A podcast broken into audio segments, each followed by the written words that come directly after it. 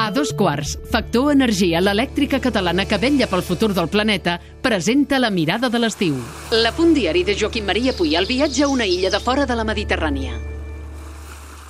Bon dia, audiència.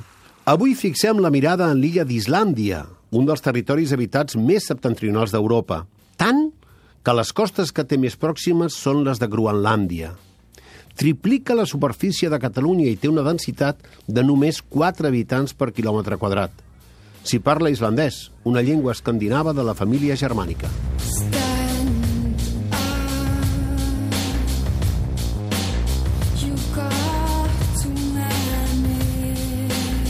Estem escoltant Army of Me, una de les cançons més conegudes de Björk, segurament l'artista contemporània islandesa més reconeguda internacionalment.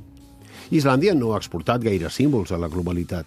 De fet, fins que fa poc s'ha posat una mica més de moda, Islàndia per nosaltres era una gran desconeguda. Per mi ho era, quan al setembre de 1979 vaig anar per primer cop a Reykjavik per transmetre un partit que el Barça flamant guanyador de la Recopa del 78 jugava a la ciutat portuària d'Akranes, a la qual ara s'hi va gràcies a un túnel submarí de més de 5 quilòmetres. Quan Cruyff entrenava al Barça hi vam tornar per jugar amb el Fram. Els seguidors que acompanyaven l'equip en aquelles èpoques s'emportaven pernil del bo, embotits diversos i altres provisions davant la incertesa de com s'alimentarien quan anaven a països amb hàbits diferents dels nostres. Fa 30 anys, anar a Islàndia era gairebé exòtic. Ara, l'explosió del turisme de masses l'està incorporant a la cultura superficial dels catàlegs dels turoperadors. Una excursió a poc més de 100 quilòmetres de la capital permet visitar caigudes d'aigua, geysers, parcs naturals i fins i tot algun volcà.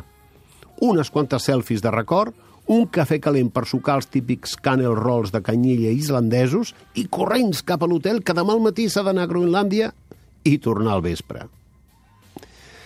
Però si ens animéssim a agafar una bicicleta i no ens fes por la pluja probable i aquell vent segur que no para de bufar, podríem vorejar l'illa per una de les poques carreteres asfaltades que hi ha. Descobriríem muntanyes de sols oxidats, llacs amb icebergs i foques i balenes i fiors i gent de pobles costaners que viuen molt més de la pesca que dels negociants turístics. Si, encara més valents, anéssim a les Highlands, seria duríssim, és clar, però encara molt més espectacular. Natura majestuosa, penya-segats, deserts de roques magmàtiques esquitxats de rius i llacs que drenen l'aigua, un indret superb, fantàstic, fastuós. Ara, a l'estiu, els grangers de les valls deixen peixe les ovelles als prats. Serenor i grandiositat. Allà no hi ha turisme. Bé, això no és exacte.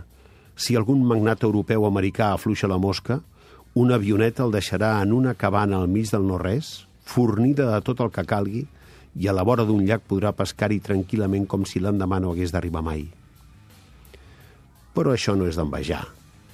Perquè no cal ser milionari per acostar-te a l'ànima d'un territori. Només cal tenir ganes de descobrir-lo.